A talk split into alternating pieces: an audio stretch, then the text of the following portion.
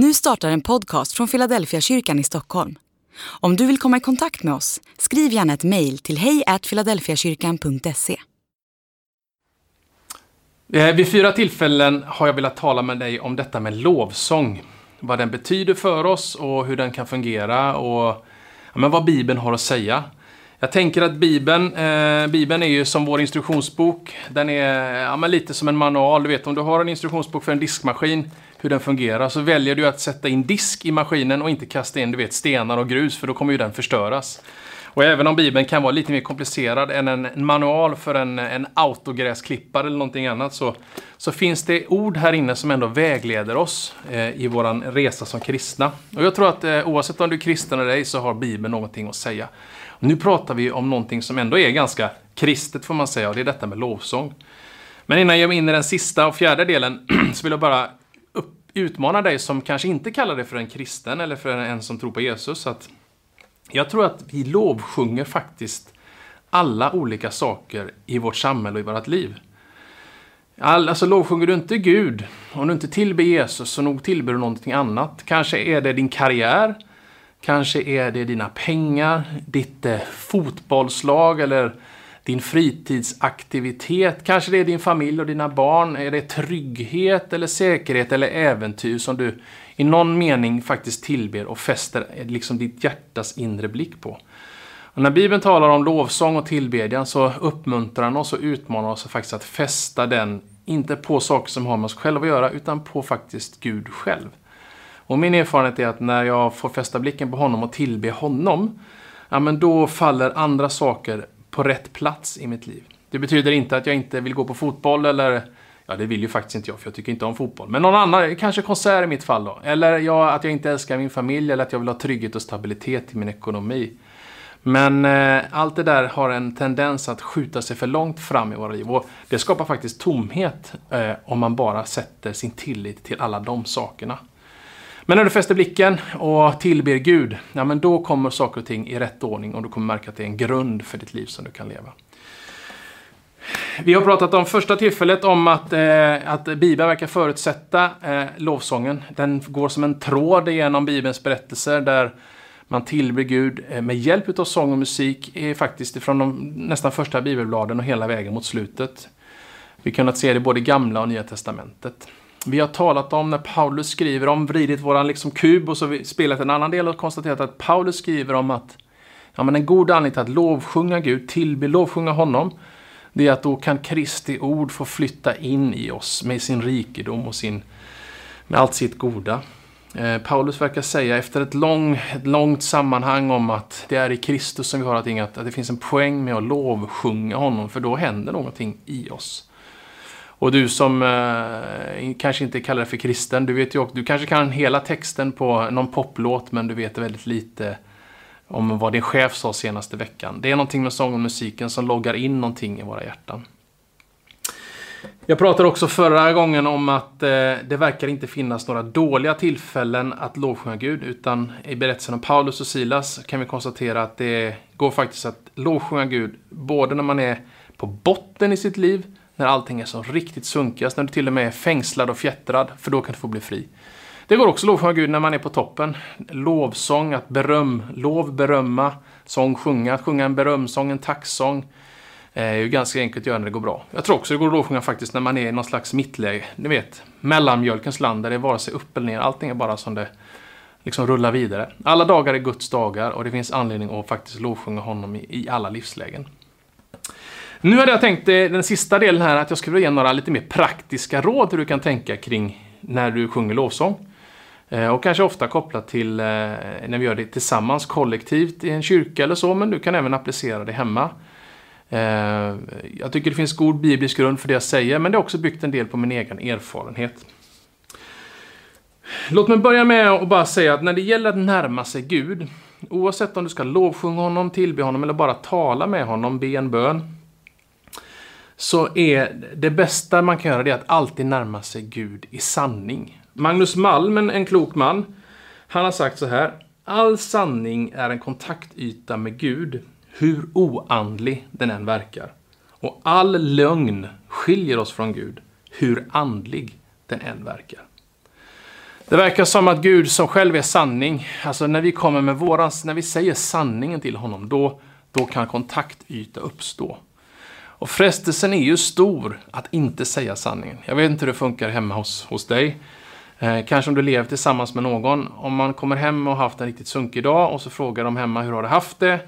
Ja, men då kan man ju antingen säga sanningen hur det har varit, men man kan också känna att jag vill inte säga riktigt hur det är därför att det blir liksom för komplicerat i vårt samtal och jag orkar inte tänka på det. Och så skjuter man in någon liten vit lögn. Eh, och ibland handlar det om att man vill framstå i bättre dagar än, man, än, än vad det i själva verket är. Du vet på frågan, hur mår du?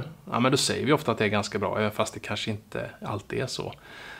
Vi ville gärna, ja men hade du en bra semester? Jo, men ja, jo, det var jättekul på semestern. Och så pratar du inte om de tråkiga dagarna när ingenting roligt hände. Därför att det är sanningen är inte alltid så trivsam och inte får dig att framstå i den bästa utav dagrar. Men i kontakten med Gud så verkar sanningen vara den bästa vägen. Därför att all sanning är kontaktyta med honom och all lögn blir liksom som ett stopp mellan dig och Gud. Och om du tror på Gud så är själva idén av att du inte att du ska kunna ljuga för honom den är ju på ett sätt absurd, för han vet ju allt och förstår allt. Men ändå verkar vi ägna oss åt den övningen ibland. Så jag vill säga någonting först bara, liksom att, du, att närma sig Gud, när du tillber honom och lovsjunger honom, men gör det i sanning som det är. Men jag vill också säga någonting då om sanningen, därför att det är lite lurigt med sanningen. Därför att vi har ju inte en helt, alltid ren upplevelse utav, eh, utav av liksom vad som är sant. Man kan ju ibland säga att det finns tre sidor på varje berättelse, liksom din och min. Ja, och så kanske tidningens då, eller om det möjligen är den sanna versionen. Alltså sanningen upplevs på lite olika håll. Och här kan ju problemet vara när vi ska närma oss Gud och vi ska göra det i sanning. Det är att vi antingen låter vi andras sanning definiera vad som är sant i våra liv när vi ska närma oss Gud. Andra som vill mäta dig, som vill mäta pengar, som vill mäta makt, som vill mäta din sexepil, reklam som säger du duger inte. Men om du bara köper den här produkten, man vill prångla på dig en sanning om vem du ska vara och hur du ska vara. Och den här tidsandan som vi lever i, där allting är ja, men relativt, allt är förändligt och där vi faktiskt också formar vår egen sanning. Om det här är sant för mig, det här är sant för mig och så länge våra sanningar åtminstone inte gör att vi bråkar så är det okej att ha massa olika sanningar. Och allt det där kan ju låta gott, men det också leder oss till någon slags otrygghet och osäkerhet som vi ibland har svårt att hantera. Så när du ska komma till Gud i sanning, vems sanning är det som du kommer? Kommer du med den sanningen som det här omvärlden och samhället försöker säga är sanningen om dig? Den ska du se upp med, för det är inte säkert att det är det som är sanningen. Den andra problematiken med sanningen kan ju vara att du själv säger någonting om dig som inte är sant. Ja, men jag duger ingenting till. Du känner ju till dina egna tillkortakommanden och den här rösten som finns här inne någonstans, ja men den trycker på dig och säger att du inte duger, att du inte håller, inte ska väl jag. Och så vet du själv om alla fel som du begår och det så du, den du skulle vilja vara men inte når upp till och så blir sanningen om dig att du inte är någonting att ha. Är det den sanningen du ska komma till Gud med när du ska möta honom i sanning? Ja, men jag tror att det är viktigt att hålla koll på vad som är sanningen när du ska tillbe honom och komma till honom i sanning. Och sanningen du behöver ta fasta i, det är faktiskt det som Gud säger om dig. Gud säger att du är hans älskade barn. Att du är hans fantastiska dotter och att du är hans son. Att han alltid, alltid, alltid älskar dig och aldrig kommer sluta att göra det. I Romarbrevet så står det att vi har fått en, en ande som ger söners röst så vi kan ropa Abba fader, pappa Gud. Ni vet den här varma, goda pappan. Vi kan ha olika pappabilder men, men tänk att Gud är den här totala, den pappan som du skulle önska att du hade. De allra bästa egenskaperna din pappa upphöjt i 10 potens i 10 potens i 10 potens. Den omhuldande mamman som alltid älskar, som alltid famnar dig. Det är Guds, Guds hjärta för dig. Det är sanningen om det, att du är älskad i alla livets lägen, säger Gud. Det är sanningen om dig. Sanningen om dig är att du är Guds barn, säger första Johannesbrev. Sanningen är att Gud har planer för dig som är fyllda utav hopp och tro, säger Jeremia. Jag vet vilka planer jag har för er. Goda planer och inte onda. Jag vill er en framtid och ett hopp. Sanningen säger, som Gud säger om dig, är att du är fri. Det finns alltså nu ingen fördömelse för den som är i Kristus. Sanningen om Gud själv är ju att han är allsmäktig, att han förlåter. Om vi bekänner våra synder så är han trofast och förlåter oss. Att han är densamme igår och idag och i evighet. och att han vill ge dig goda gåvor. Allt gott kommer från honom. Varje fullkomlig gåva kommer från ovan. Himlaljusens fader, hos vilken ingen förändring sker och ingen växling mellan ljus och mörker, står det i Jakobs brev. Alltså, om sanningen är kontaktytan med Gud, var varsam med att låta andras röster och sanningar drivas på dig och den, den rösten som du ibland hör in i dig själv som inte är den sanna rösten, att den också får för högt utrymme i dig själv. Du ska inte ljuga för Gud, men ska också veta om att sanningen om dig, det är det som Gud säger om dig. Så att säga som det är, sanningen handlar inte bara om att du uttrycker för Gud det du känner, utan väldigt mycket om att veta den sanna sanningen om dig, som Gud säger om dig. Så när du ska tillbe Gud, ja men gör det i sanning. Börja med att säga det som är sant. Men kom också ihåg att det som Gud säger är sanningen om dig, är den sanning som du behöver fästa fast ditt liv i. Ehm, eh, lovsång då, måste man sjunga när man ber? Ja, men jag tänker kristenheten har ju sjungit genom hela historien. Vi har spårat det i Bibeln. Eh, och det verkar som musik berör oss. Sokrates säger ju liksom att den gamla filosofen, att, eh, att musiken är, bryter ner själens sista försvarsmur. Det där vet vi om. Vi kan känna av det, inte bara i kyrkan, utan du kan möta det på andra ställen. Jag tänker Gud har verkar ha designat oss på det sättet. Så musiken går rakt in i hjärtat. Eh, den dyker upp i alla livstillfällen. Eh, och varför skulle man då inte vilja sjunga när man tillber Gud? När det är en så starkt redskap. Ja, men jag tror att en bra anledning till att sjunga tillsammans lovsång, det är dels eh, det faktum att Bibeln talar om det och de andra sakerna jag har beskrivit i de andra, i de andra tillfällena. Men också att det är en, en kollektiv erfarenhet. Alltså att vi tillsammans får lovsjunga Gud. Det är ju inte så många tillfällen när vi är helt överens om allting som händer, men faktum är att när vi möts kring en lovsång till Gud och sjunger den tillsammans, då gör vi det ihop. Om du firar gudstjänst någonstans, oavsett om det är många eller få, ja men det är tillfällen när vi faktiskt tillsammans sjunger till honom. Och det får liksom en kollektiv erfarenhet, det är något kraftfullt i det. Jag har ju två barn själv, de är lite isär i ålder. Eh, och eh, det, det bråkas en del hemma, eh, retas en del hemma. Men så mellanåt så är det som att de hittar varandra, tar hand om varandra, eh, leker eller gör någonting tillsammans där jag känner att åh, de, de är ändå syskon, de älskar varandra väldigt mycket. Och det är någon slags harmoni. Som pappa gör det mig väldigt glad. Ibland tänker jag att när, när vi sjunger lovsånger tillsammans till Gud, så tänker jag att pappa Gud, han, han, han tittar på oss och tänker att ah, det, där, det där är ändå mina barn. Tänk va? Det är lite knotigt och knetigt emellanåt, men nu gör de en sak tillsammans och jag tycker så mycket om det. Lovsången hjälper oss att demonstrera att vi är en kropp, att vi är en familj, att vi hör ihop. Vi är överens. Där två eller tre kommer överens så kommer någonting hända. Men det verkar finnas en kraft i det där med sången och musiken. Jag tänker också att det är en god anledning till att sjunga lovsång. Att komma till kyrkan med regelbundenhet, att, att sjunga med lovsången, att lyssna till bibelordet, att fira gudstjänst. Ja, men det är, det är, häng med här nu, det är att du behöver bli lite hjärntvättad med jämna mellanrum. Ibland så, så säger folk till mig, ja men du är ju kristen, du har blivit hjärntvättad, du har ju varit ändå det sedan du var liten. Och det är sant, jag, jag är uppväxt i en kristen familj, tron blev min egen någonstans i övre tonåren.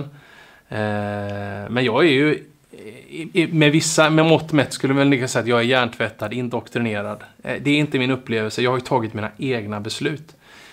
Men jag kan också säga ibland att ja, men det här med hjärntvätt, om man bara vänder lite på det begreppet, så tänker jag att jag vet ju vad som händer här inne i mitt huvud. Hela tiden pågår någonting. Jag vet vad som händer i, mitt, i min själ och i mitt inre och i min hjärna och mitt hjärta. Och så tänker jag, med jämna mellanrum så skulle jag behöva bara få tvätta rent här inne. Och då tänker jag att lovsången är ett gott tillfälle att bara få sysselsätta sig med lite hjärntvätt. Ja, men att få tvätta bort det där som har kletat sig fast under veckan som har gått. Tankar som har fått hullingar och som inte är goda och som förgiftar mitt inre. Eh, saker som har hänt eh, och pågått som, som inte är goda. Och så får jag komma och så får jag fästa blicken på Gud, lovsjunga och tillbe honom. Och så är det som att det renas någonting i mig, någonting tvättas i mitt inre. Ja, men ja, om du hade sett min hjärna så vet du att den behöver ha lite tvätt i jämna mellanrum. Och i Guds närhet så förändras vi. Och lovsången är ett av de sätt man kan göra det på. Låt mig då säga eh, avslutningsvis någonting eh, om, om det praktiska med detta med lovsång och ett sätt att förhålla sig som jag själv har varit hjälpt av. Jag tänker att eh, Bibeln talar eh, i lite olika bilder om, om att vi är som tre delar. Vi är ande, kropp och själ. Allt det där är inte, det är inte delbart utan det sitter ihop, men det är som olika dimensioner av de vi är. Och jag vill uppmuntra när, när du sjunger lovsång hemma i din kyrka, eller för den delen faktiskt när du går hemma själv, att det verkar finnas en koppling mellan din själ, det som kittlar ditt inre, det som du känner igen och du tycker om, mellan din kropp och mellan den, en andlig upplevelse som du liksom har en andlig landningsbana för i ditt liv. Kroppen, om vi bara startar lite grann, så är det som att eh, men kroppen speglar ju ändå, en, är det någonting som händer på utsidan som, som finns på insidan? Det är ju, du vet, om, om någon är väldigt rädd, då kryper man gärna ihop. Om man är orolig, då, då liksom någon slags fosterställning närmar sig. Man sänker huvudet, man kurar ihop sig. Det är ett tecken på rädsla. Du ser det inte bara i människor utan genom hela naturen.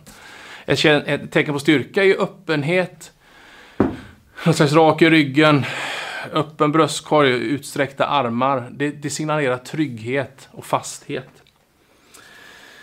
Eh, jag vet inte, om du sa att du, att du har någon som eh, har glädjen att ha någon och leva i någon slags relation med någon, kanske någon du älskar. Eh, och du någon gång ska uttrycka din kärlek till den personen. Ja, men om jag kommer hem, min fru heter Malin. Om jag kommer hem till henne och ska säga att jag älskar henne, då, om jag ställer mig så här och säger jag, jag älskar dig. Men det signalerar inte så jättemycket kärlek. Det signalerar någonting annat, något, något inbundet, någonting hårt. Men medan en öppen famn och ett annat tonläge, jag älskar dig. Ja, men det signalerar ju faktiskt att jag, jag tycker om dig och att jag älskar dig. Så det som händer med din kropp, det kommer eh, någonstans inifrån. Det finns en, en, en, intressant studie, jag vet inte om den håller hela vägen, men jag tycker bara att den är spännande, som ju faktiskt också säger det omvända. Det vill säga att du kan faktiskt förändra ditt inre genom vad du gör med ditt yttre. Det har man gjort en studie på där man lät människor stå med i någon slags power pose här med utsträckta händer och brett isär med benen. Eh, och så undersökte man efteråt, och en annan grupp fick sitta ihopknuten så här. Och sen så lät man dem genomgå en eh, arbetsintervju som man filmade. Efter att de hade stått antingen så eller ihopknutna i några minuter. Och sen fick människor, potentiella arbetsgivare, titta på de här videorna och så fråga vem vill du anställa? Då ville de anställa de här människorna som hade stått i den här öppna eh, posen. Eh, I mycket högre utsträckning de som hade varit hopknutna. Därför att de upplevde att de även senare i intervjun utstrålade någon slags ja, men styrka och närvaro och eh, ja, men det här är bra folk. Om du nu inte är kristen så kan du tänka, ja men det där, vad har det med Bibeln att göra? Ja, men jag tänker bara det är intressant att konstatera att det i Bibeln på flera ställen står eh, Lyft era händer. Ni ska, ni ska be med renade lyfta händer. Eh, jag vill åkalla dig med lyfta händer och under sång och dans kan man säga alla mina källor är i dig. Alltså att Bibeln om och om igen uppman, uppmuntrar till någon slags öppen hållning med kroppen. Och jag tror att det är så att Gud har skapat oss på det sättet. Och när den där studien stämmer så finns det ju liksom bibelstöd för att ja, men om du har en sådan här hållning så kommer även någonting hända på din insida. Så eh, det finns en koppling mellan din själ, din kropp och det som händer i den andliga upplevelsen. Så när, du kommer till, när det kommer till att lovsjunga Gud så ska du vara medveten om att det är inte bara en tanke, det är inte bara här inne, utan det sitter ihop med hur du låter, vad du gör med din kropp och att det är någonting som faktiskt kan vara med i en växelverkan och faktiskt öppna upp för att du närmar dig Gud själv.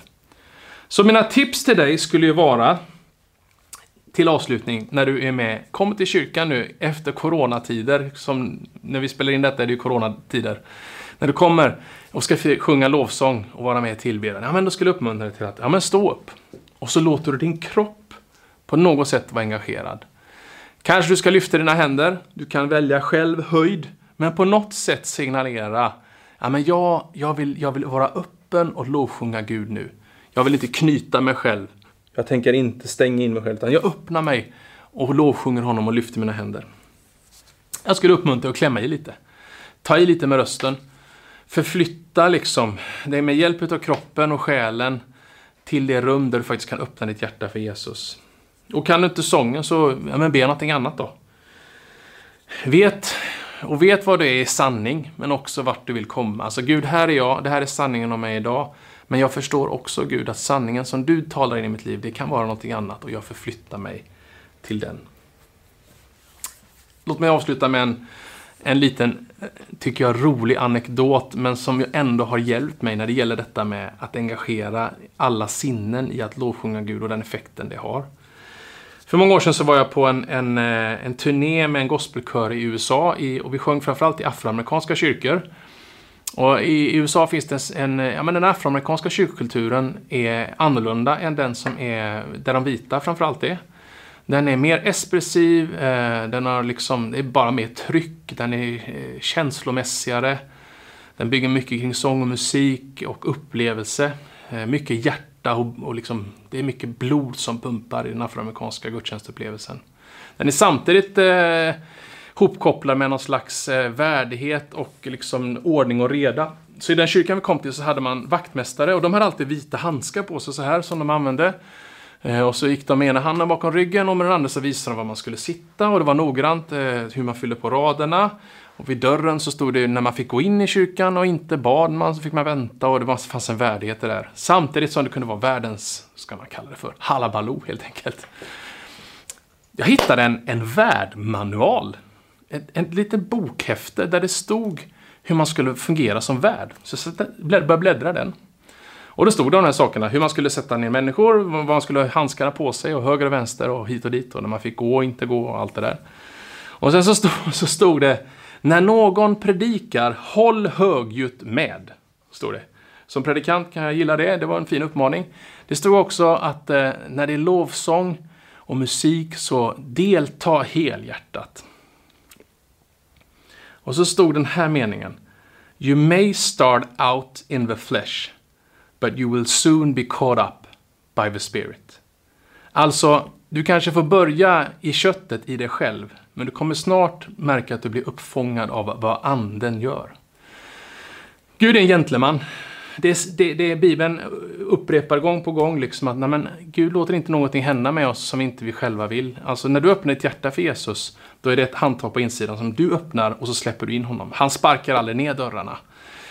Och när det gäller lovsången så tror jag också det är så att Gud kommer inte liksom, det är inte så att det plötsligt kommer börja darra din kropp och sen så lyfter du dina händer och sen så är allting igång och du är emotionellt eh, där. Utan nej, men Gud verkar säga till oss, nej men även här så får du vara med och öppna själv vad du vill ska hända. Om du vill öppna ett hjärta för mig, var medveten om att du är skapad som en hel människa, du är ande, själ och kropp. Ja, men kanske att du behöver eh, liksom signalera och öppna dig själv för Gud i lovsången.